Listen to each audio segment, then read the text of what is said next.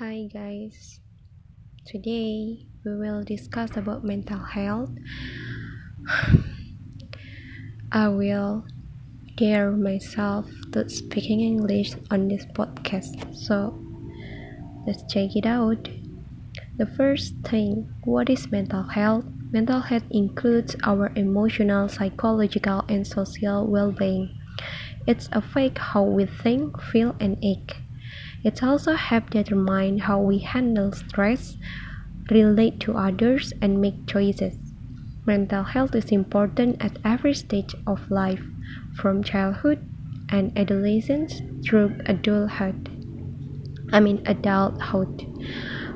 Over the course of your life, if you are experiencing mental health problems, your thinking, mood, and behavior could be affected. Many factors contribute to mental health problems, including first, biological factors such as genes or brain chemistry.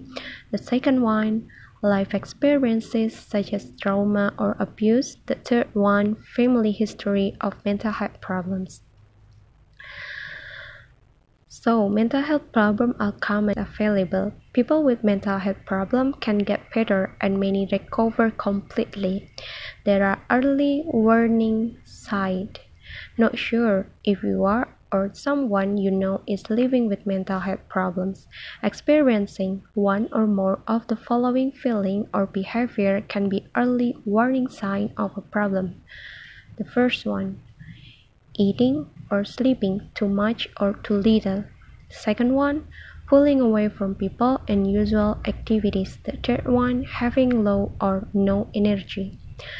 Feeling numb or like nothing matters, having unexplained aches and pain, feeling helpless or hopeless, smoking, drinking, or using drugs more than usual, feeling unusually confused, forgetful on ages, angry, upset, worried, or scared, yelling or fighting with family and friends, experiencing severe mood swings that cause problems in relationship, having persistent thoughts and memory you can get out of your head, hearing voice or believing things that are not true, thinking or harming yourself or others.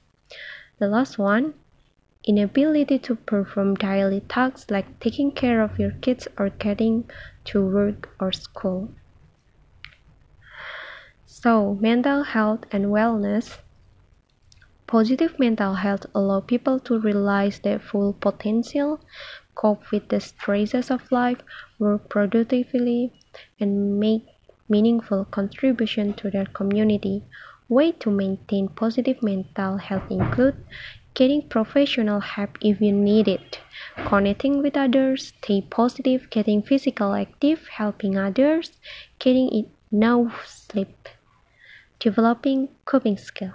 I think it's all for this podcast. Hope you enjoy it.